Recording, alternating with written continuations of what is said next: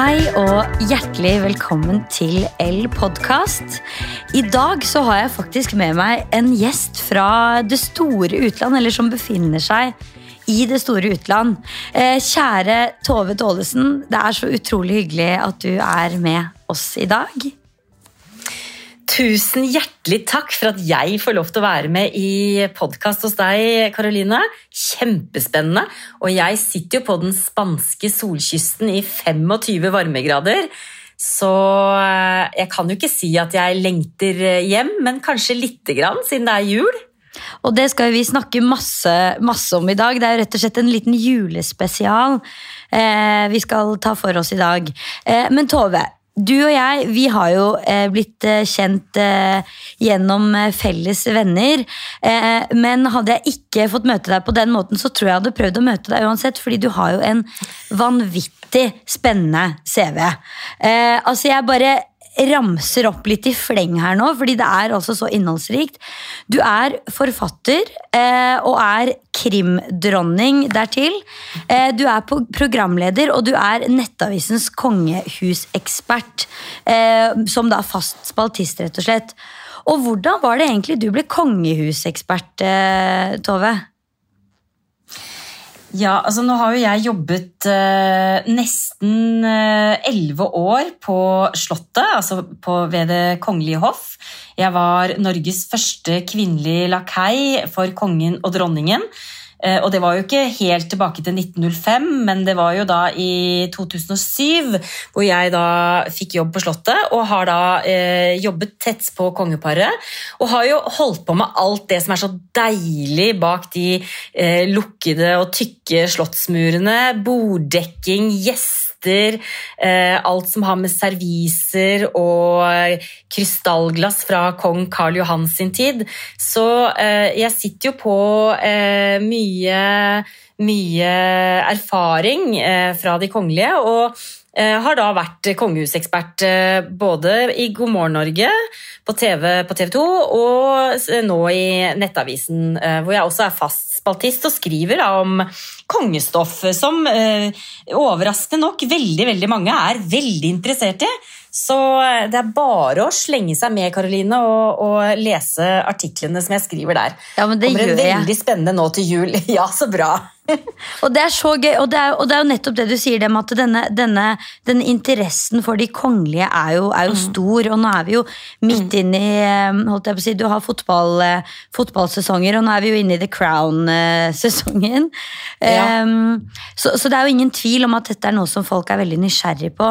Uh, og så er det jo, mm. En ting er jo på en måte alt dette litt sånn mytiske rundt konger og dronninger og prinser og prinsesser og slott og, og det som er som vi på en måte sikkert er litt nysgjerrig på fordi vi kjenner det fra eventyrene, men det er også veldig mye ved alt dette som foregår på et slott, som, som er mm. nysgjerrig. Du har mm. nevnt allerede sant, borddekking og dette med gjester og sånn. Eh, og mm. du har jo også da eh, vært med på bl.a. Camp Culinaris, og du har vært eh, på Kvelden før kvelden på NRK, som, som vi snart skal mm. eh, Nå er det jo snart ny Kvelden før kvelden. Eh, og, og, og, vis nettopp disse tingene. ikke sant? Borddekking. Og du, du holder jo også foredrag om afternoon mm. tea.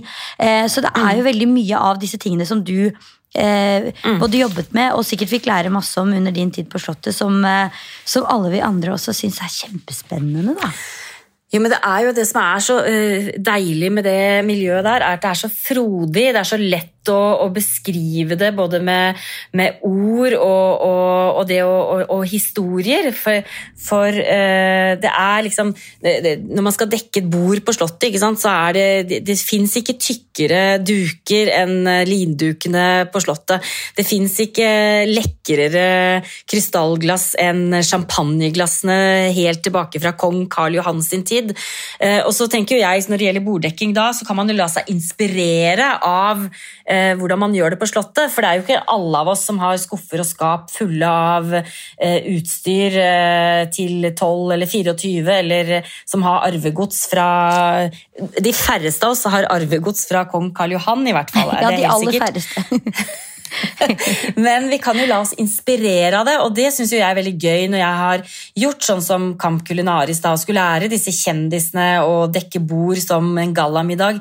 Så er det jo veldig gøy å, å, å kunne vise liksom hvordan det kan gjøres, men det er jo ikke dermed sagt at det må gjøres på den måten.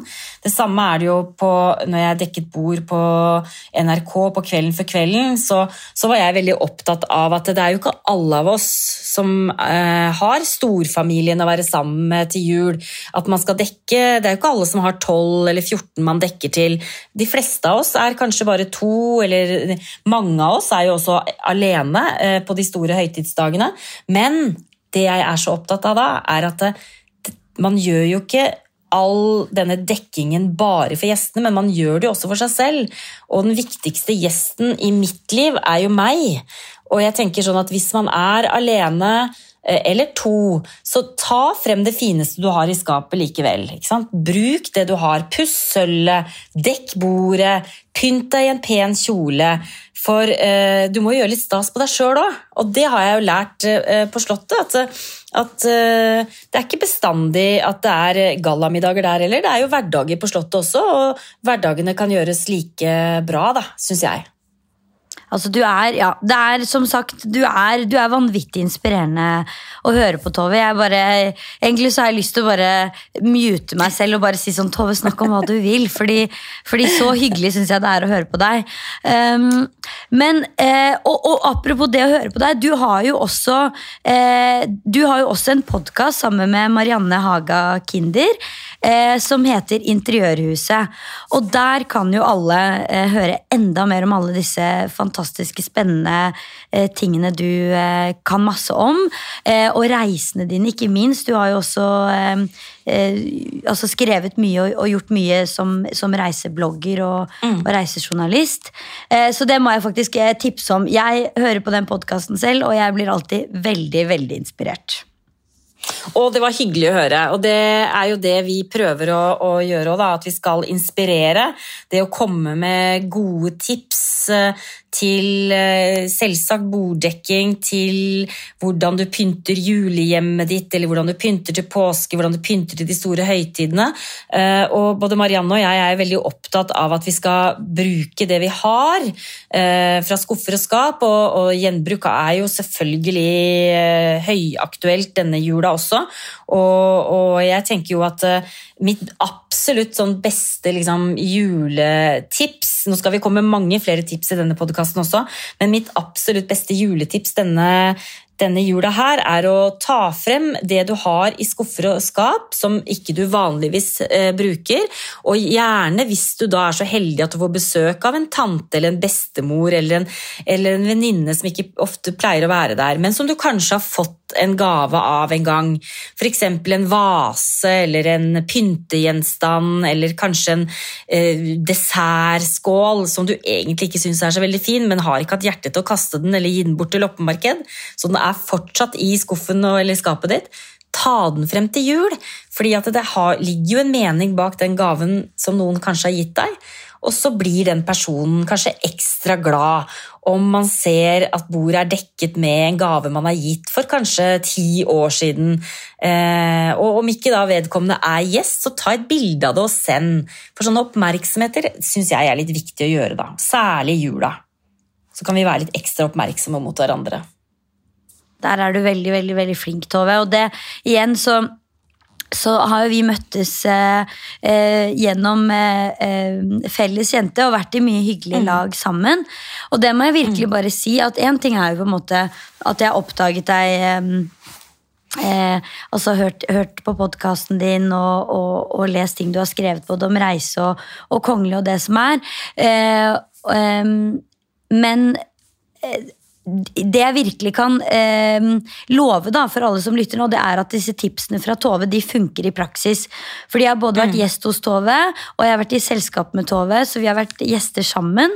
Eh, mm. og, og, og, du er virkelig helt eksepsjonelt god både på det å skape atmosfære og stemning, og få alle som er til stede til å føle seg vel. Enten du er gjest eller vertinne.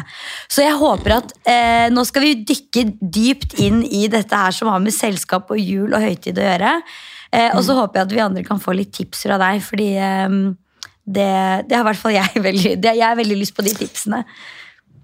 Tusen takk. Det var koselig sagt da, Karoline. Du er veldig søt. Og vi har jo hatt det veldig mye gøy sammen Masse. på disse, disse festene våre også. Det, det hører jo med også, for det er jo egentlig det det dreier seg om. Det er jo det å senke skuldrene og ha det gøy, faktisk. Absolutt. Så da er liksom det store million dollar question her er hvordan klarer man nettopp det å senke disse skuldrene? For nå går vi jo inn i en tid, eh, og vi er vel egentlig Jeg tror det begynner liksom å Jeg føler at nå er det liksom 19. desember, det begynner å bli rart å si at jula er på vei, fordi nå er den jo egentlig er den vel egentlig her. Um, Absolutt. Men dette er jo en tid som, som eh, du allerede har vært inne på kan, eh, kan trigge mye rart i oss. Mm. En ting er selvfølgelig stress og, og tidsklemme og sånne type ting, men det er jo også mange som føler både på ensomhet og, og, og den slags. Så, så det er jo en litt sånn komplisert tid. Men, men, men la oss bare ta det sånn helt tilbake til start. Eh, hva denne jula egentlig handler om. Altså En ting er jo vi vet jo at eh, det spinner tilbake til eh, en eh, Jesu fødsel og, og en stall i Betlehem, men, men hva handler liksom denne tradisjonen egentlig om, Tove? Altså, for meg så er jo jula en av de viktigste høytidene våre. Og ja, det startet vel egentlig som en, en hyllest til, til at solen snudde. eh, Eller snur jo i rundt juletider, og så kom jo dette med, med den kristne budskapet. Og så har det vel blitt mer eh, og mer en eh, en god unnskyldning for å, for å feire en mørk desember, og ikke minst samle familie og venner og de man er glad i. Eh, Og jeg syns jo det er en høytid også til ettertanke, og da tenker jeg jo ofte på meg selv også, for jeg, jeg har mistet begge mine foreldre, og, og julen for meg eh, er en tid for ettertanke, og heldigvis for meg så er det gode tanker jeg har rundt julen. Eh, Og jeg har, eh, har gode barndomsminner og gode minner å tenke tilbake på, og det tror jeg mange av lytterne til denne podkasten også har, og helt sikkert forbinder nettopp julen med, med barndomsminner og, og, og gode juleminner og juletradisjoner. For jeg mener jo på veldig mange måter at, barn, at jule, jula er jo først og fremst for barn, eh, og at vi skal skape den magien for barna eh, som vi har rundt oss, enten det er våre egne eller tantebarn eller, eh, eller naboens unger. Eh, Og være med å skape den magien som vi selv opplevde når vi var, var barn. Eh, Og at vi skal skape de faste tradisjonene som jeg syns er så innmari viktig å ta med seg videre inn i livet. Det som er liksom fast og bestandig, som foregår én gang i året kanskje, eh, og som vi gleder oss til å gjøre.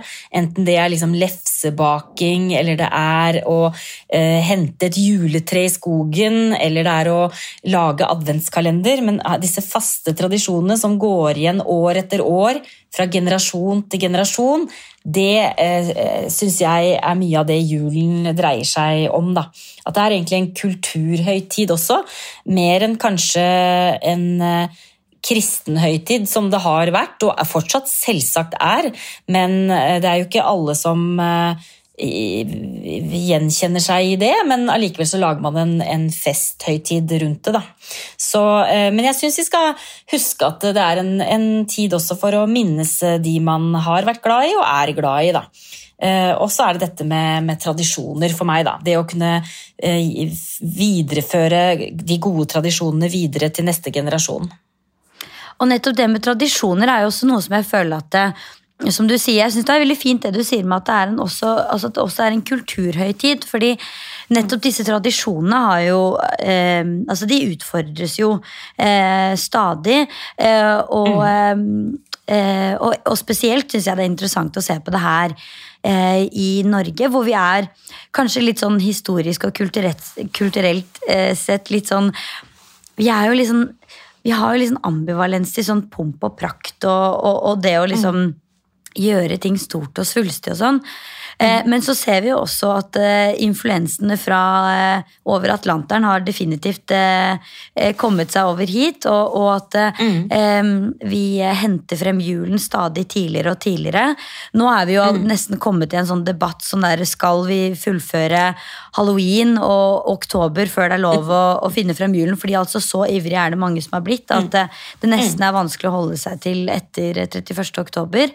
Mm. Eh, samtidig som, som, vi på en måte holder på tradisjoner. Men hva tenker du om det, Tove? Det der med å liksom eh, åpne opp litt mer for f.eks. Eh, svenskene har jo dette novent-konseptet sitt? Som, mm. eh, som handler om eh, lys i mørketiden og det å liksom begynne så smått på liksom juleforberedelsen i november. Eh, hvordan stiller du deg til det, disse moderne tradisjonene? Ja, altså, eh, jeg er veldig sånn, jeg liker forandring, jeg. Og jeg syns at det er eh, forfriskende når, når, vi, når, det skjer noe nytt eh, og spennende. Og så tror jeg at spesielt kanskje de siste ti årene så har vi latt oss påvirke veldig av sosiale medier. For det er jo sånn at på sosiale medier så skjer jo på en måte høytiden før egentlig høytiden kommer. Fordi at alle vil gjerne være tidlig ute med å legge ut inspirasjon til julen. Enten det er å lage egne kranser, eller det er å, å pynte huset, eller det er å, å, bake kakene. Så skjer jo alt det nesten i november, ikke sant? At, eh, eller i slutten av oktober og i november. Og jeg er en av de som egentlig syns at julen eh, smaker og er egentlig innmari deilig før desember. Eh, og gjerne i begynnelsen av desember. Og jeg er eh, Jeg liker å å følge tradisjoner, men jeg tenker jo det at det å invitere til juleselskap f.eks. i slutten av november, altså det syns jeg egentlig er deilig forfriskende, for da er det jo ingen som har smakt på julematen ennå. Eh, og vi har ikke blitt lei av julesangene, og vi eh, har den der nesten litt sånn barnslige, barnlige forventningen, sånn som vi kjenner igjen fra da vi var små. At vi plutselig gleder oss veldig til jul. Så jeg tenker at eh, jeg gleder meg litt ekstra over slutten av november og begynnelsen av desember. og og henger gjerne opp julestjernen og kjøper amaryllis og hvite tulipaner og granbar. Og, og liksom får det til å bli litt sånn julestemning eh, slutten av november, begynnelsen av desember. Og har ikke dårlig samvittighet for det i det hele tatt. Eh, og for meg, Men så, så, går det liksom gradvis gjennom desember. Uh, og jeg, jeg, er en av de som faktisk syns at uh, det er deilig når julemarsipanen kommer i butikken også. For da, da er det en sånn, litt sånn barnslig forventning eh, om jula, sånn som jeg husker fra jeg var liten. egentlig. Så, så jeg syns egentlig det er helt, helt innafor å starte uh, jula tidligere. og det ser vi jo har blitt, blitt mer og mer vanlig også, at mange begynner jo å pynte juletreet allerede 1.12. Eh, og det syns jo jeg er kjempehyggelig, for da kan man glede seg over juletreet i alle disse ukene som er før jul. Eh, jeg er jo eh, vokst opp med en familie hvor ingenting skjedde før, før julaften, unntatt første advent hvor julestjerna kom opp i vinduet og sjokoladekalenderen kom frem. Mens også begynte mamma sånn sakte og sikkert å bake jo nærmere jul man kom. Men selve liksom julemagien skjedde hjemme hos meg natt til julaften. Da ble juletreet pyntet, da kom juledukene frem, da ble godteriskålene fylt. Eh, og når jeg da våknet om morgenen, så, så var det som å komme inn i en sånn magisk Prøysen-verden. For da var det plutselig liksom et julehjem som jeg, som jeg, våknet opp i. Og det er jo et eller annet magisk med det også, men samtidig så syns jeg det er veldig hyggelig at man kan endre på de tradisjonene og kose seg sammen med en familie eller med venner. Da, og egentlig bygge jula gradvis opp i desember. Men jeg tror kanskje at jeg hadde kvitta meg med juletreet i romjula hvis jeg satte det opp 1.12. Altså. Ja. Vet ikke hva du tenker, Karoline? Nei, jeg skjønner, jeg skjønner, hva du mener. Fordi det er, liksom, det er et eller annet som skjer i romjula hvor jeg plutselig går fra Uh, ja, ikke sant, Som du snakker om dette Prøysen-hjemmet, at det, det, det, er liksom alt jeg ønsker meg. Men så sakte, men mm. sikkert så skjer det et eller annet med meg i romjulen hvor jeg plutselig får mer lyst på liksom Studio 54 og disko og ja. glitter og nyttår og høye hæler ja. og, og, kjoler som hører det til. Så det, jeg, jeg, skjønner hva du mener. Den derre romjulsstrømmen, den, uh, den, er litt ferdig for meg. Uh, andre juledag, så, men, liksom. Da, da, vil jeg ha det juletreet bort. ja ja, men jeg er helt enig, og, men så tenker jeg sånn, det er liksom også helt greit. tenker jeg, at Den romjulsdrømmen som vi hadde i gamle dager, da, at den er eh, blitt byttet ut til at man har alle ukene i desember til å sammen glede seg over og forventningene frem til julaften. Jeg tenker Det er jo en, veldig fint, det òg. Det ene er ikke noe bedre enn det andre. Men, men, jeg tenker at hver og en må finne ut av hva som passer best for seg da, og sin familie og sine venner, og skape seg de tradisjonene, egentlig. Ja, og det er liksom Og, og, jeg, men, og jeg også kjenner liksom sånn Jeg husker sånn etter, altså Da jeg bodde i London, der er det jo litt på den amerikanske eh, syklusen, holdt jeg på å si, hvor, eh, hvor jul og, og, halloween nærmest går hånd i hånd. Um, men det husker jeg at det var Det er som du sier, det er noe med den mørketiden. ikke sant? Om, om man begynner julen tidlig, eller om man kaller det novent, eller det er jo liksom opp til seg. Ja. Men, men, jeg er helt mm. enig i at det å begynne tidlig er fint. Og jeg har faktisk laget min egen lille juleregel og tradisjon eh, som handler om adventsstjerna, og det er at eh, eh, jeg skal ikke være den første som henger opp eh, adventsstjerna, men jeg kan gjerne være den andre. Så så fort jeg eh, og da gjelder ikke offentlig bygg, altså kjøpesenter og butikker og sånn. det gjelder ikke. Men så fort jeg går forbi eh, et hjem hvor jeg ser en adventsstjerne henge i vinduet, da kan jeg henge opp min egen. Så, så det, er liksom, det, det, er på en måte det som bestemmer eh, når jeg kan henge henge opp eh, adventsstjernen. Om det er midten av november, så er det midten av november. Den regelen er satt. Og det syns jeg er en utrolig fin regel. Jeg syns du skal holde deg til. og og så er det litt sånn, jeg tenker sånn For at man skal skape det der skiftet, da, kanskje, hvis man har, hvis man har liksom begynt å pynte allerede i, i slutten av november og, og i desember, begynnelsen av desember, så tenker jeg sånn adventstiden er jo gjerne litt sånn lilla er vært sånn tradisjonelt. ikke sant? At man kan bruke litt sånn lilla farger, kanskje litt grønt, eh, granbar og sånn. Og så jo nærmere jul man kommer, jo mer rødt er det kanskje. kanskje.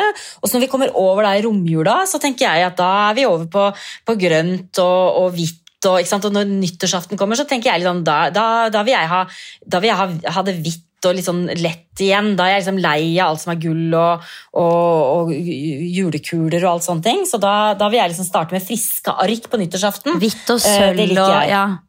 Deilig. Ja, ja det er så deilig. Ja, det er så fint. Ja, og, og, så er det, liksom, er det også, også, litt noe med det der å på en måte tolke julen eh, sånn som man selv ønsker. da, fordi eh, mm. altså Jeg er jo vokst opp med, jeg har jo da to generasjoner i min familie som har vært dekoratører. Så jeg har jo vært vokst opp med å se liksom julepynt allerede fra august, for da var liksom både min morfar mm. og, og, og, mor var liksom i gang ganske tidlig. Eh, og mm. da har det jo vært veldig sånn ikke sant, ganske sånn tradisjonell, men ganske sånn lekker styla jul, da, for å si det sånn, mm. eh, hjemme mm. eh, i mitt barndomshjem. Så da jeg skulle på en måte begynne å, å, å, å arrangere altså Nå arrangerer jeg jo ikke julaften, men, men ikke sant, eh, selskap og jeg har bursdag i desember mm. og, og, og, den slags. da. Eh, så var jeg litt sånn Ok, men hvordan ser min jul ut? Eh, og da tenkte jeg bare sånn Ok, men hva er det, hva er det jeg elsker aller mest? liksom, sånn Når jeg skal pynte det som virkelig får meg til å føle at nå, eh, nå, trives jeg, nå er det fint her, og det er blomster. Det har liksom alltid vært. Mm. Eh, mm. Så da tenkte jeg, hvis jeg kan ta blomster, som jo er en veldig viktig mm. Vi har jo liksom både amaryllis og julestjerner og, og granbar og, og mm. misteltein, og det er jo masse grønne vekster som, mm. som vi forbinder med julen. Eh, men hvis jeg kan på en måte ta da blomster som jeg elsker, og som er på en måte et eh, språk som jeg eh, føler at mm. jeg kjenner meg veldig igjen i, inn i dette litt sånn derre julegreiene som jo kan være både på godt og vondt, da, da kanskje jeg har noe. Så mitt juletema hjemme er rett og slett botanisk jul. Så der er det ja. liksom Så jeg har i vind, altså Min adventsstjerne er snøblomma fra um, Vatt og Veke som ser ut som en stor hvit blomst. Mm. Adventskransen min er tørka blomster blomster. Eh, julepynten min er, eh, går i grønt og hvitt og sølv og liksom eh, altså, Ja, det, det bugner av det grønne og, og, mm. og frodige, da. Eh, og det også tenker jeg er sånn viktig ting at, at liksom det er lov å lage sine egne tradisjoner. Det er lov at jula ikke er rød og full av nisser, liksom. Eh, pynt og gjør det på en måte som du syns er eh, er um, ja. hyggelig, og som, og som, reflekterer deg, liksom. Og så, sånn som du snakker om, blande inn alle disse morsomme personlige detaljene, om det er mm. en gammel vase fra en tante, eller mm. uh, ja. Og så må jeg innrømme at jeg faktisk egentlig liker egentlig best tanken uh, på jula, egentlig. Du vet, det der, du vet når uh, høstmørket setter inn, uh, høststormene herjer på utsiden, og det er blitt kaldere om nettene. og da, sant, da, begynner jeg å lengte etter å henge opp den julestjerna i vinduet. og Da kjenner jeg liksom at juleambisjonene begynner, begynner å, å, våkne til live. For da tenker jeg alltid, det er sånn kjempeambisiøs i oktober, at da skal jeg bake I år skal jeg bake, da skal jeg liksom tilbake til tradisjonene. Da skal jeg bake de syv slagene. Jeg skal selvsagt vaske huset og så skal jeg invitere til juleselskap hele desember. Ja. Og så skal jeg selvsagt bake det pepperkakehuset som skal liksom ta pusten av alle jeg kjenner, og alle skal bli imponerte. Og så er det jo et eller annet som proppen går ut av meg ikke sant? på et eller annet tidspunkt der. Eh, Og da lar jeg bare ambisjoner være ambisjoner og drømmer være drømmer, og så tilpasser jeg meg egentlig hverdagen. Og så, eh, for jeg tenker jo at for meg så er egentlig eh, et av julens viktigste budskap det er å senke skuldre. Det er å gi faktisk litt eh, faen, for å være helt ærlig. Det der å, å, for stress er altså det absolutt største juledreperen som fins, er at når måte vi begynner å stresse eh, For jeg tenker sånn, Gjør det så innmari mye at det er støvete? Gjør det så mye at eh, kaken er kjøpt på butikken? Eh, Vi trenger jo ikke å være liksom Miss Perfect hele tiden. For jeg tenker jo at julen dreier seg jo ikke om det perfekte bildet på Instagram hvor alt ser helt perfekt ut. Og i hvert fall gjør det det nå, ikke sant, med alle disse eh, robotlagde bildene. ikke sant? Eh, så jeg tenker at eh, hvis jeg tar frem den røkelsen, får det til å dufte liksom, barndom hjemme hos meg, så skal jeg faktisk innrømme en helt annen ting også, Karoline. Jeg kjøper faktisk jula på en flaske. Det vil si at jeg, når jeg er i London, så går jeg innom Fortune og Mason, og så kjøper jeg sånn house spray som lukter da granbar og stjerneanis. Eh, Og når jeg da sprayer den rundt i huset, så er det altså jul hjemme hos meg. Ja, men det er en magisk julespray. Ja, det er en magisk julespray, og den, kan jeg, den får jeg ikke, jeg er ikke sponsa i det hele tatt, men den kan jeg virkelig anbefale absolutt alle å bruke.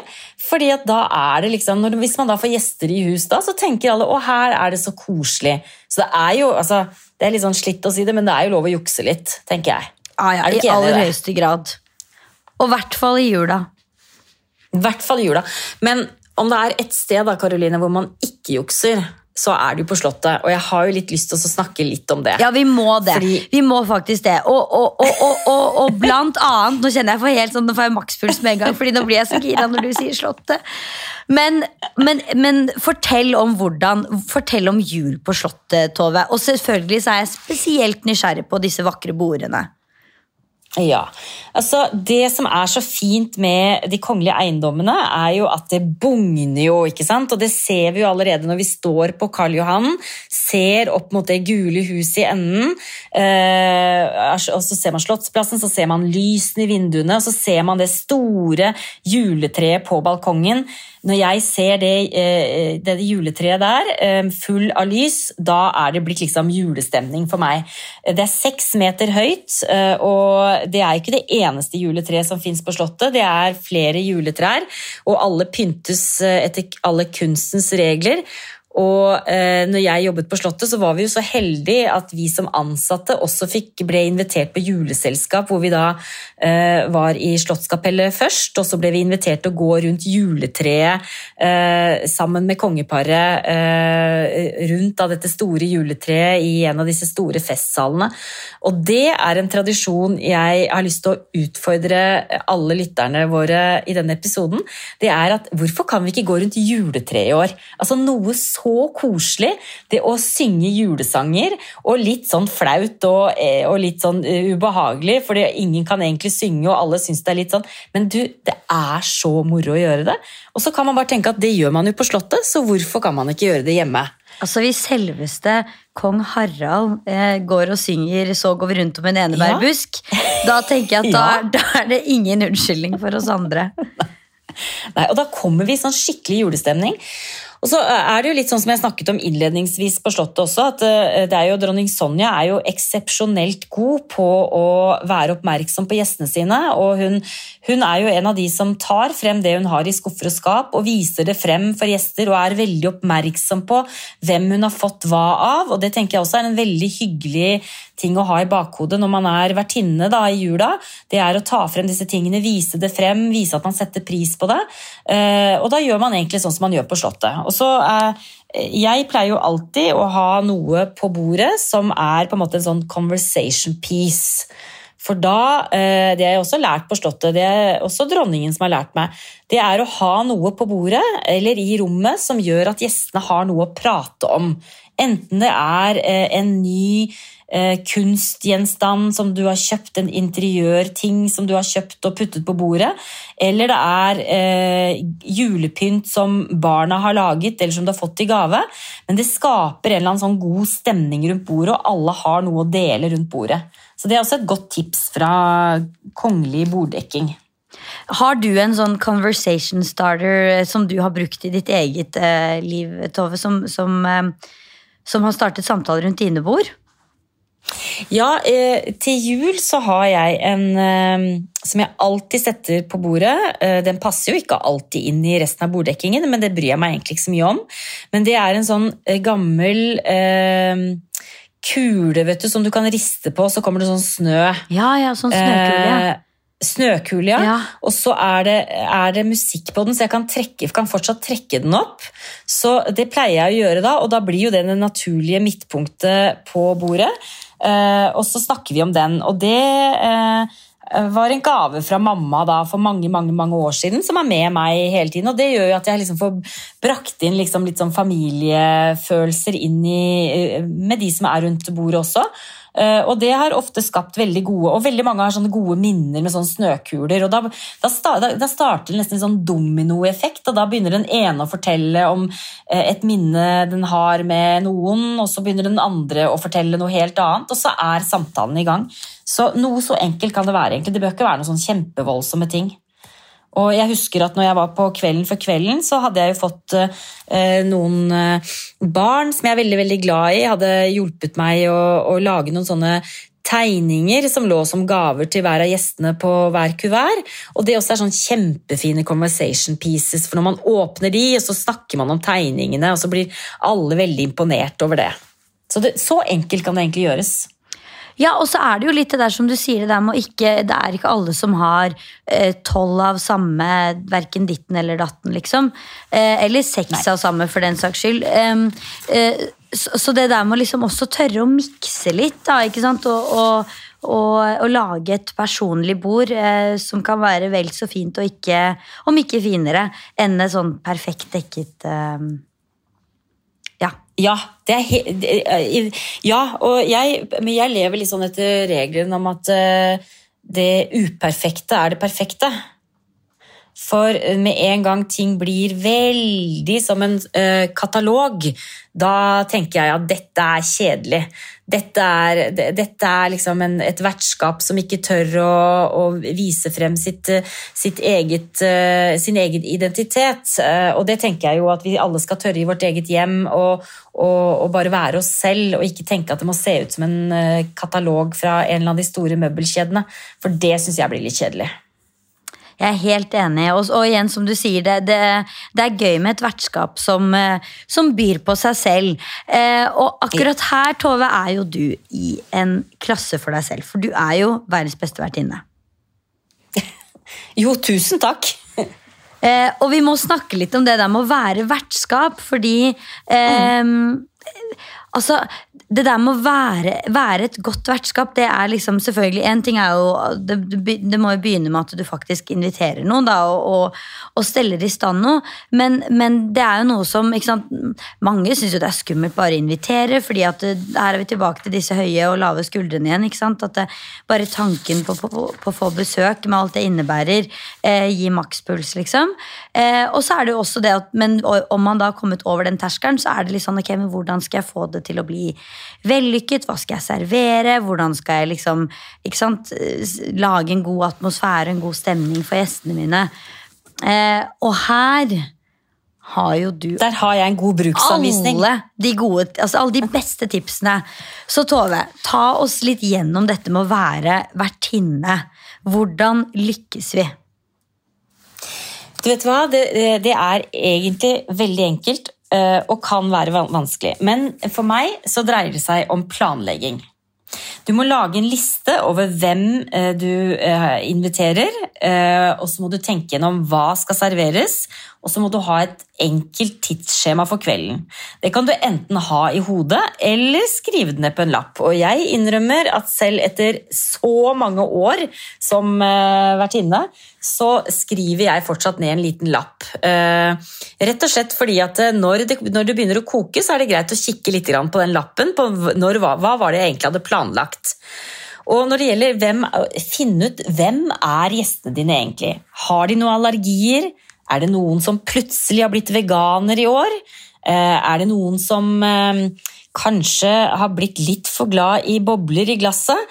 Eh, eller er det noen av gjestene som kanskje har hatt et spesielt vanskelig år, eller kanskje til og med et spesielt suksessrikt år?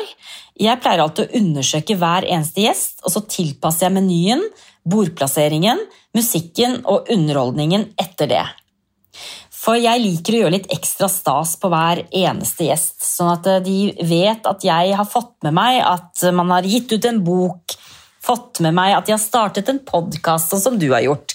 Eh, det at man har fått med seg de der små detaljene, eh, og at ikke man glemmer at, eh, at bestevenninnen har blitt veganer eller vegetarianer, og så har man glemt det, og så føler hun seg veldig dum fordi hun ikke kan spise det som er. Tenk nøye gjennom om det er noe spesielt med gjestene. Og så pleier jeg Karoline, å være veldig tydelig overfor gjestene om hva slags selskap det er. Jeg skriver jo alltid, eller sier alltid, selvsagt når det starter, og når det slutter, og hva gjestene kan forvente. For jeg hater å være i selskap som jeg ikke aner om dette er et selskap som skal vare til klokka ti på kvelden eller til klokka fire om morgenen. Eh, er det middag? Er det nattmat? Altså, Hva er det jeg kan forvente? Da kan jeg senke skuldrene som gjest, for da vet jeg at når jeg blir invitert til Tove i juleselskap, så varer det fra klokka fem til ti. Eh, og da vet jeg at da kan jeg dra hjem klokka ti, eh, og det er ikke resten av dagen ødelagt dagen derpå. Og Det er en veldig sånn grei greie. Istedenfor at man sitter her og tenker sånn Når kan jeg egentlig gå hjem? Eller eh, kan jeg fortsatt være her? For det er jo noen av vertskapet som også kan være litt sånn utydelig på kan jeg gå, altså, Vil jeg at gjesten skal gå, eller skal gjesten fortsette å være der? Så vær tydelig overfor gjestene hva de kan forvente. Og så har jeg et ganske godt tips til deg, Karoline. Og det er det at eh, du må ha kontroll på tiden. Og det er Du må aldri la gjesten føle at du er stressa. Så jeg pleier alltid å være ferdig 20 minutter før gjesten er invitert. Da har jeg eh, hatt garderobepause, dvs. Si altså jeg har vært og vasket hender og gått på do og gjort alt jeg skal. Tatt på meg lipgloss, børsta over håret, lysene er tent. Eh, aperitiffen står klar, og jeg har satt meg ned i en stol. Og så hviler jeg litt for å få hvilepulsen, så at jeg ikke er stressa når gjestene kommer. Og Det er et veldig veldig godt tips, for da føler gjestene veldig at Oi, her er det jo stålkontroll. Her kan jeg bare slappe av og kose meg. Og så eh, pleier jeg jo da å lage en liten gjestegave til alle gjestene, som jeg bruker som bordkort. Og da føler gjestene seg plutselig sånn Oi, vi får gaver! Det er jo kjempestas! Og så er det noe med det der å være oppmerksom underveis i selskapet. Eh, og da har jeg et lite triks som jeg tenker at alle kan bruke i jula. Og det er jo det at Du rår jo ikke overalt, og du skal jo ikke, bli, du skal jo ikke stå på pinne for gjestene dine heller. Så eh, skriv en liten lapp under hver tallerken og be gjestene om å hjelpe deg. Kanskje en gjest kan passe på at det alltid er vann i vannmuggene.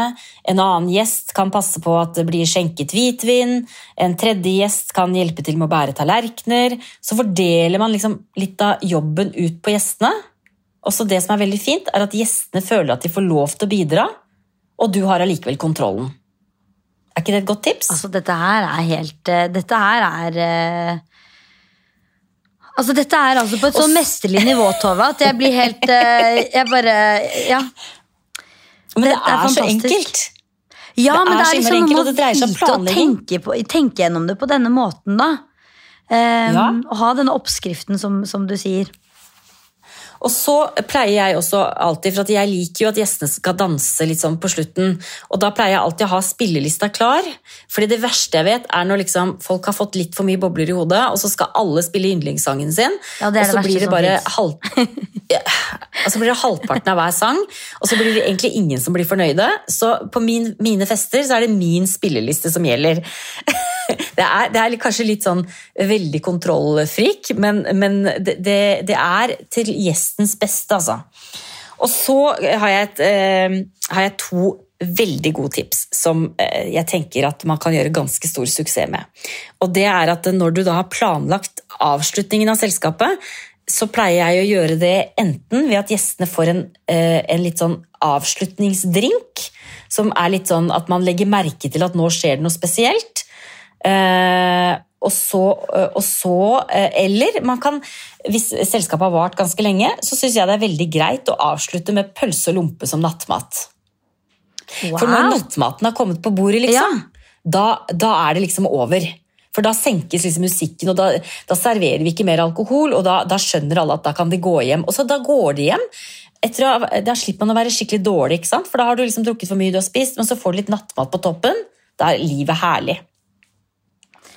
Og hvis det ikke er et sånt langt selskap til langt på natten, så pleier jeg alltid å pakke ned eh, restene fra eh, maten eller kakene eller desserten. Pleier jeg alltid å sende med gjestene.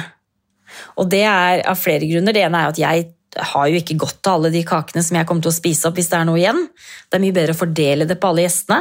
Og så er det veldig hyggelig at gjestene får med seg en liten sånn eh, takeaway. Eh, og når de våkner opp dagen etterpå, så står det kanskje i kjøleskapet, og så husker man det selskapet og får får sånn ekstra god følelse. Var ikke det gode tips? Altså, dette her er bare helt fantastisk. Jeg får, jeg, det verste er at jeg får, jeg får mer lyst til å, å arrangere selskap eh, når, Ja. når du forteller om dette, for det her høres jo bare ut som en sånn nydelig, sånn koreografert eh, liten Ja. ballett. Altså, hvor du bare spretter rundt på gulvet der og, og, eh, Ja. og imponerer alle sammen. Men, men det, fordi nå er det jo sånn i forhold til liksom nett, For det som ofte blir liksom stressmomentet med, med det å ha gjester, er jo ofte at man gjerne skal servere noe. Ikke sant? Og, og det å liksom En ting er jo å på en måte lykkes med det man lager, at det faktisk blir velsmakende og, og, spiselig. Eh, fordi jeg tror vi alle er redd for å ende opp i en sånn Bridget Jones-situasjon hvor vi serverer eh, blå suppe med hyssing og og Ja. eh, kapers med marmelade, eller hva det er det ender med til slutt. Ja. Um, så det er jo liksom litt noe med det der å servere. Og, og, og da er det jo sånn, en ting, Noen legger jo da nivået kjempehøyt, og det skal være sånne eh, asjett, liksom, tallerkener med liksom, eh, veldanderte ditten og datten, og, og alt skal tempereres og i det hele tatt. Men så har vi også sett en litt sånn økende, eller sånn voksende trend med delemat, eksempel, hvor det er flere små ting som man mikser og matcher. Hva er liksom din eh, Hvilket lag spiller du på her? Ja, altså, jeg eh, er jo i utgangspunktet litt lat, så jeg eh, gjør, prøver å gjøre det så enkelt som overhodet er mulig for meg selv.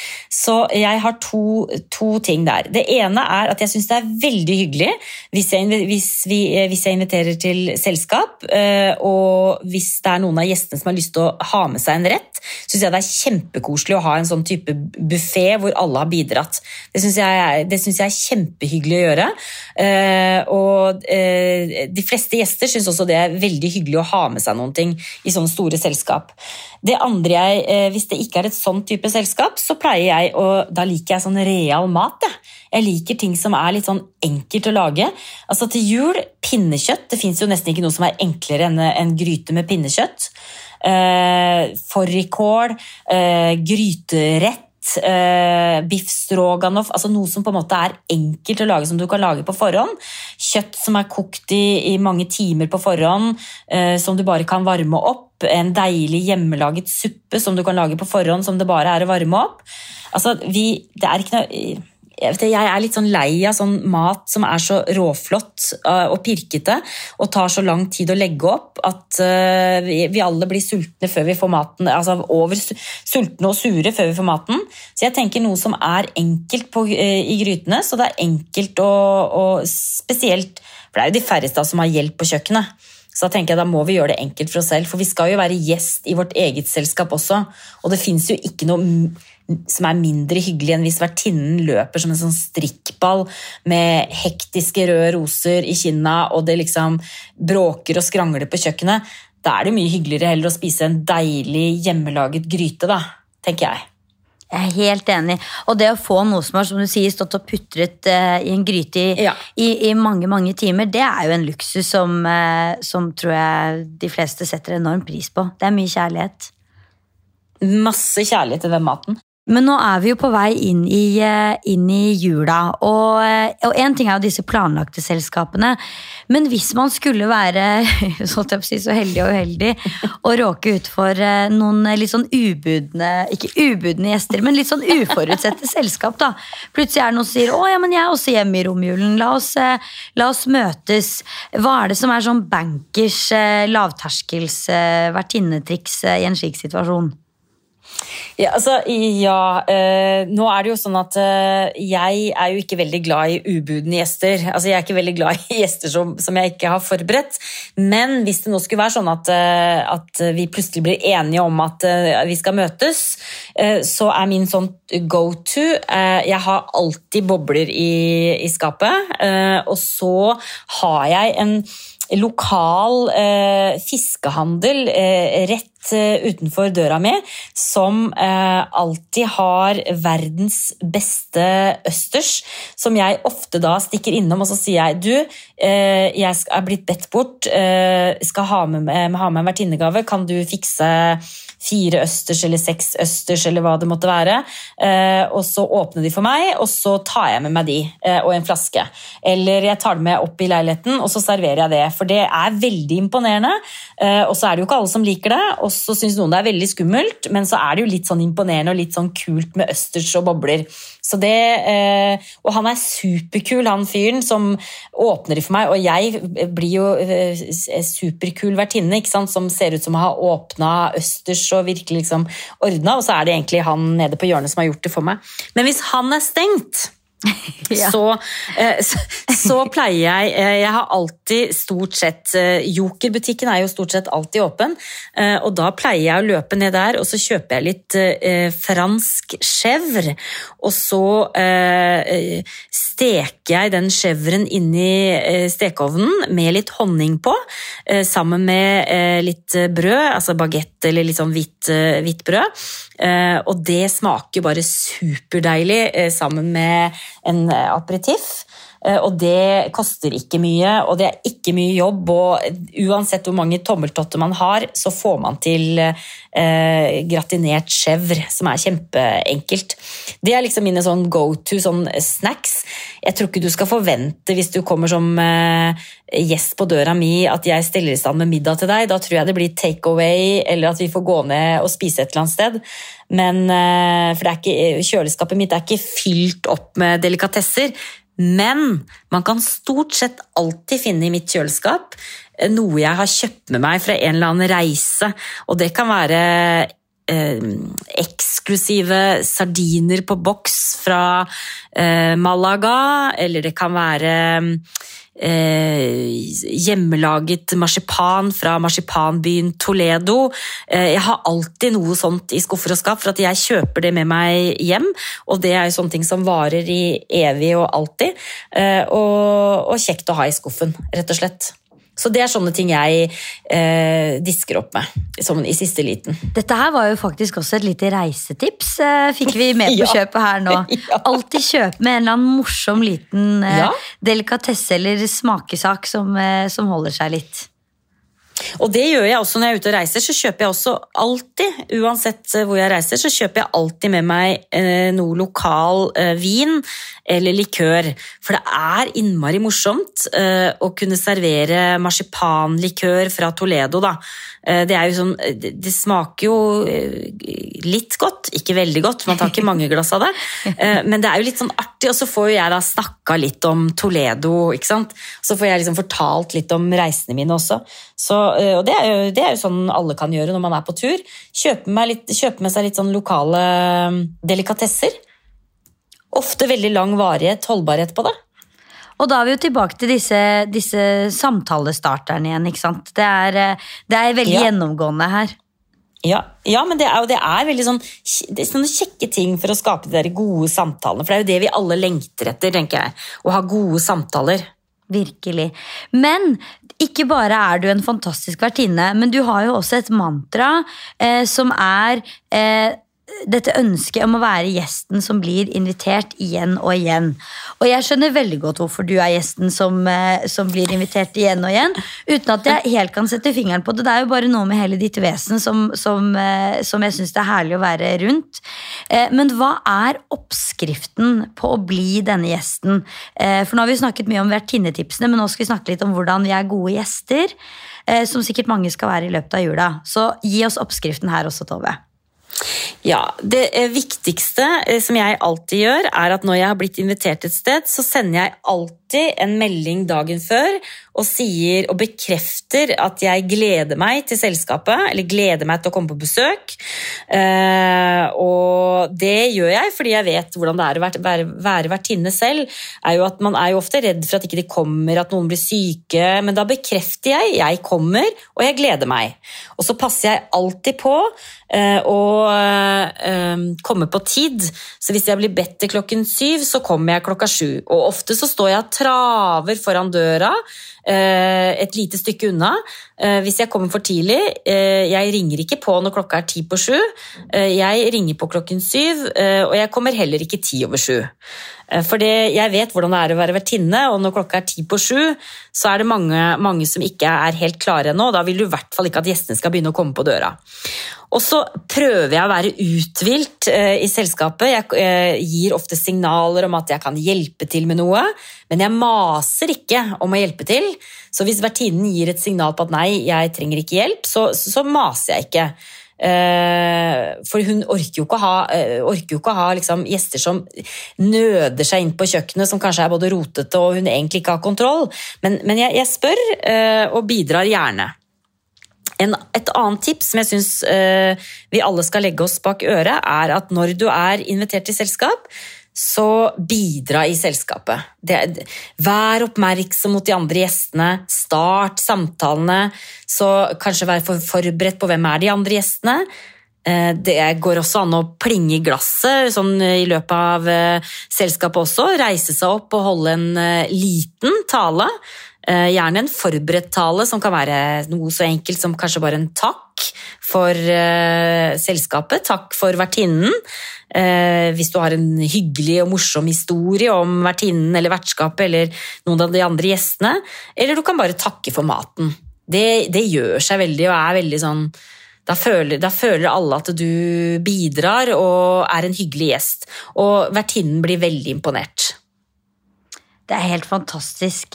Men du, dette, dette her eh, må jeg også faktisk spørre om, Tove. For dette her har jo både litt med det å være gjest og det å være vertinne å gjøre.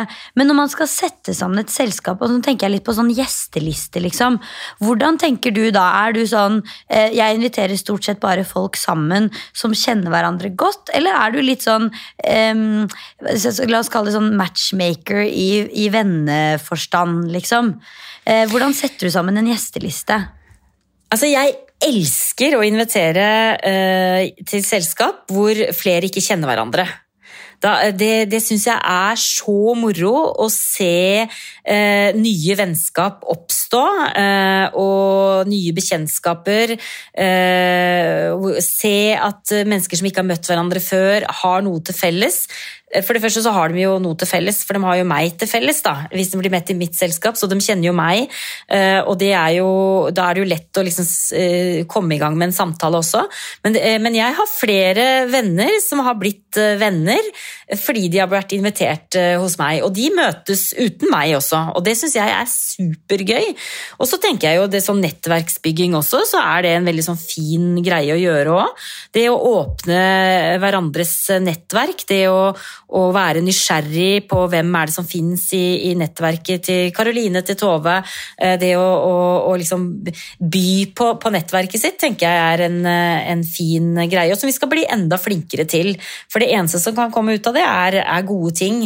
Det kan komme nye vennskap, det kan komme nye forretninger, altså business, det kan, det kan komme spennende, kreative ideer eller samarbeid kan oppstå. Og det syns jeg vi skal være rause nok til, eh, til å by på tenker jeg. Det er veldig veldig godt innspill. Jeg kjenner at jeg får mer og mer lyst både til å gå i selskap og arrangere selskap ja. gjennom den samtalen her. Men jeg må også spørre om en, en annen ting. Fordi um, eh, jeg syns det er kjempehyggelig både å ha besøk, men også bli invitert. og veldig ofte syns jeg også det er hyggelig å liksom ha med et eller annet. Eh, Det spør jeg alltid om, liksom, om det er noe jeg kan bidra med sånn rent praktisk. Men, men så føler jeg at om de da sier nei, nei, ikke tenk på det, jeg fikser, så syns jeg likevel det er på en måte hyggelig å gjøre en eller annen eh, gest da, som viser at jeg, at jeg er veldig glad for at jeg får komme. Eh, og hvordan er liksom disse hva skal jeg si, Om vi kan kalle det etikette eller regler, eller hva tenker du er liksom eh, eh, Hvordan skal vi tenke i forbindelse med dette med vertinnegaver? Fordi én ting er jo selvfølgelig hvis, hvis du skal besøke en, en nær venn, og du vet at det vi skal gjøre nå, er å eh, bestille en pizza, liksom, og ligge på sofaen og se film. Eh, som jo er kanskje noe som, som man gjør hvis man er to single venner, for eksempel. Da. Eh, men hvor, hvor går liksom grensa for vertinnegave? Hvor dyr skal den være? Eh, Hva slags type selskap skal det være for at du skal ta med den? Når skal man ta med, ikke ta med? Hvordan, altså, hvordan funker dette? Jeg syns man alltid skal ha med vertinnegave. Eh, Og da tenker jeg ikke på de eh, selskapene hvor man reiser hjem til venninnen sin for å spise pizza og, og se på film, eh, og, og bestevenninner. Det, det, det er ikke sånne ting jeg tenker på. Men hvis man blir liksom invitert til hvor, hvor noen på en måte har forberedt noe ekstra, så syns jeg man skal ha med seg noe. Og det, det bør ikke være noe stort. Det kan være, det kan være en sjokolade, det kan være noe hjemmelaget, det kan være eh, hjemmelaget syltetøy, eller det kan være en kake hvis du har bakt det, eller, altså, eller en bok. Eller, altså, det, det er ikke det at det skal koste så mye, og he- absolutt helst ikke koste så mye. Eh, Men det du ikke skal ha med deg i selskap, som de fleste synder på, det er blomster. For eh, om det er én ting vertinnen ikke trenger når hun er invitert til selskap, så er det blomster. Høyst sannsynligvis så har hun kjøpt blomster på forhånd for å pynte til bordet, eh, og hun har ikke tid til å ta imot den blomsterbuketten og skjære eller å finne frem en vase og plassere den. Det blir egentlig bare ekstra mas for henne, og hvis du vil gi blomster, så skal du etter reglene sende det på formiddagen eller dagen før, med et hyggelig kort om at du gleder deg til selskapet. Så blomster ville jeg holdt meg unna, hvis ikke du tar med deg både vase og at de er ferdig kutta, og at det bare er sette, sette frem, liksom. Men, men alt annet kan du ta med deg. Og, ikke, og det er ikke, helst ikke noe dyrt. Helst noe du har laget selv, eller som er på en måte hjemmelaget. Det er veldig hyggelig, syns jeg. Og det skal i hvert fall ikke koste mye penger. Det høres ut som, et veldig, høres ut som en veldig, veldig god regel som er enkel for alle å forholde seg til. Ja, ikke sant? Eh, eh, For vi vil jo ikke at vertinnen skal føle at, eh, at, at hun får en gave som på en måte er liksom nesten mer verdt enn det selskapet hun har, har stelt i stand, så hun blir flau. Og vi vil ikke skape noe ekstra jobb for henne, men en liten sånn oppmerksomhet. Og så trenger den heller ikke være pakket inn. Gjerne en sløyfe rundt bare. Jo enklere du gjør det for vertinnen, jo bedre er det. Tenk og her praktisk. tenker jeg jo at, eh, og her, ja, og her tenker jeg jo at, eh, at, eh, altså det, at Poenget er jo egentlig bare takknemlighet for invitasjonen. Liksom. Det er jo det, og det, bare det at man har gjort altså, ja, bare det at man har gjort noe, eller har med seg noe, viser det. et, hygg, et hyggelig kort som du har skrevet bare en hyggelig hilsen på, det er mer enn nok. Poenget er bare at du har tenkt tanken om at du har med deg noe i hånden når du kommer. Det er egentlig det vertinnegave dreier seg om. Men du Tove, da må jeg spørre, for nå sier du at det å skrive et kort Men du har jo ikke, altså du har jo skrevet langt mer enn et kort. Du har jo skrevet to bøker. Eh, er det lov å ta med seg en sånn, altså sånn hvis det er noe sånn, eh, enten sånn dette, altså en bok man har skrevet, eller noe man har altså Du snakker om ting som er hjemmelaget, eh, eller en eller annen ting som Eller å gi f.eks. dette duftlyset er min favoritt, eller gi noe som på en måte er litt sånn personlig altså Skjønner du hva jeg mener? Sånn, kan det Ja. også være noe som er sånn 'dette elsker jeg', eller 'dette har jeg laget'? Ja. Eh, ja, Det må ikke være sånn 'jeg vet at du elsker denne'. Det kan også være Nei. en, en favoritt man deler. Jeg vet at veldig mange, eh, de fleste jeg kjenner vet jo at jeg liker bøker, og ofte så får jeg bøker. Og da er det ofte bøker som da mine venninner eller mine venner eh, anbefaler. At man, har, man vet at jeg leser mye, og så kommer man da med en bok som er sin egen favoritt, f.eks. Og så sier man du vet hva, jeg har lest denne her, den er kjempefin. Og jeg blir veldig glad hvis den boken også er lest i på forhånd, hvis du skjønner. At det, Ja. at det er liksom gjenbruk. Det tenker jeg er bare kjempesmart. Enig. Og For- til og med hvis den er Ja. tegna litt, eller skrevet sånn når folk Ja. bretter og markerer avsnitt Ja. og sånn. Det er det beste jeg får. det er kjempesmart. Og selvsagt syns jeg jo at folk skal selvfølgelig ha mine bøker som vertinnegaver. Det er jo en selvfølge, selvfølgelig. De er perfekte som, som, som eh, vertinnegaver. Men, men, jeg tenker, bruk, bruk uh, gjerne dine egne favoritter. Det syns jeg er veldig, veldig koselig. Det blir jeg veldig glad for. Mm. Ja, Nei, men, det er, eh, men, det er, godt å vite, for det er liksom noe med sånn, skal man legge seg på sånn Dette vet jeg du Eller uh, altså, vertskapet hadde elsket. Men også er det jo noen ganger gøy hvis man har en eller annen sånn Denne sjokoladen elsker jeg, eller dette duftlyset ja. syns jeg er nydelig, eller ja, et eller annet sånn. Da, at man kan på en måte kanskje Forhåpentligvis er det noe med å gi bort ting man liker godt selv, da. Ja, og da åpner man jo horisonten for hverandre òg, ikke sant. Og vi, vi, vil jo gjerne at eh, Vi vil jo påvirke andre også, så, så jeg tenker at det er en kjempefin idé. Å gi bort dine egne favoritter, det er jo kjempe, kjempesmart. Kjempefint. Helt perfekt. Da har jeg ett siste spørsmål, og så skal jeg la deg løpe ut i den deilige solen der nede i Spania. Um, ja. Har du noe selskap du gleder deg ekstra til nå eh, som du har uh, en invitasjon til? Enten som du gleder, å, å, gleder deg til å holde, eller som du gleder deg til å delta på? Ja, vet du hva? jeg gleder meg veldig til julaften. fordi at jeg er jo eh, nede i, på den spanske solkysten, i Malaga.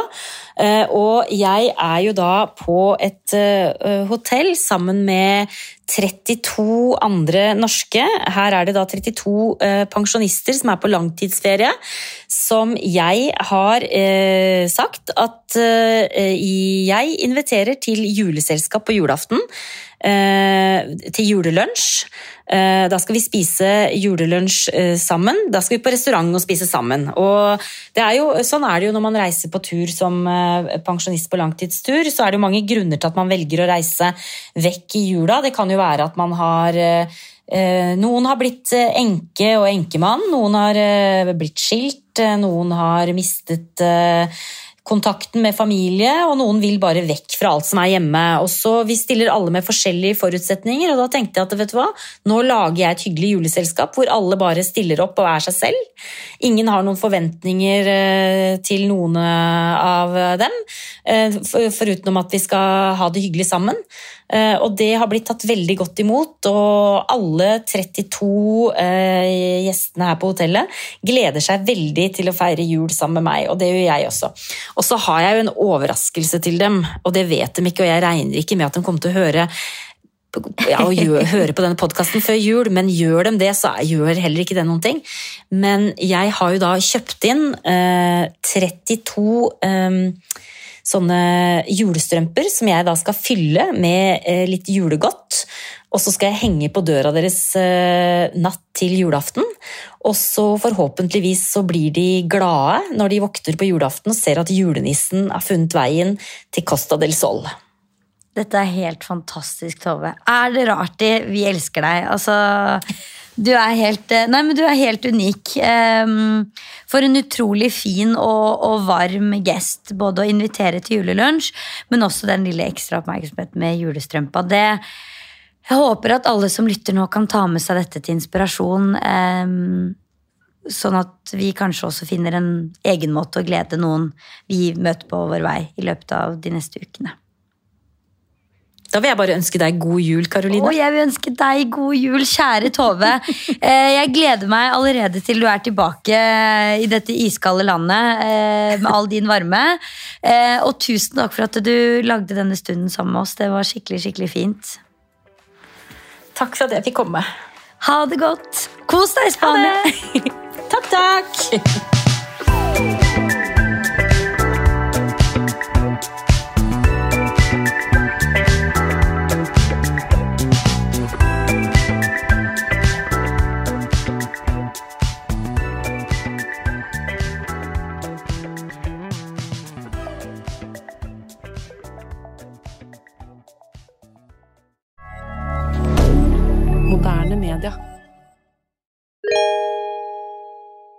Da er det tid for garderobepraten med Elfa, og jeg sitter her sammen med Linn Rebekka Karlsen, ansvarlig for PR og markedsføring hos Elfa Norge. Og nå er det jo ikke så veldig lenge til vi skal lukke boken for 2023 eh, og tre inn i et helt nytt år, 2024. Eh, og dere har noen veldig spennende planer for det kommende året. Er det noe du kan eh, dele allerede nå? Jeg kan dele bitte litt. Og det er at 2024 eh, skal handle om design og estetikk. Og det er noe vi tror veldig mange, spesielt interiørinteresserte, kommer til å sette pris på. Altså, jeg gleder meg veldig. Eh, men ok, så er det jo også nytt år, nye muligheter, og veldig mange lager seg jo nyttårsforsett. Eh, har dere i Elfa en eh, liten oppfordring eller eh, et forslag til eh, nyttårsforsett for eh, våre lyttere? Det har vi. vi. Vi oppfordrer jo folk til å organisere hjemme. For det henger jo liksom mye sammen med det emosjonelle. Det her med å liksom få orden hjemme. Så en garderobedetox er jo aldri feil å starte året med. For en fantastisk plan eh, å starte på det nye året. Tusen takk.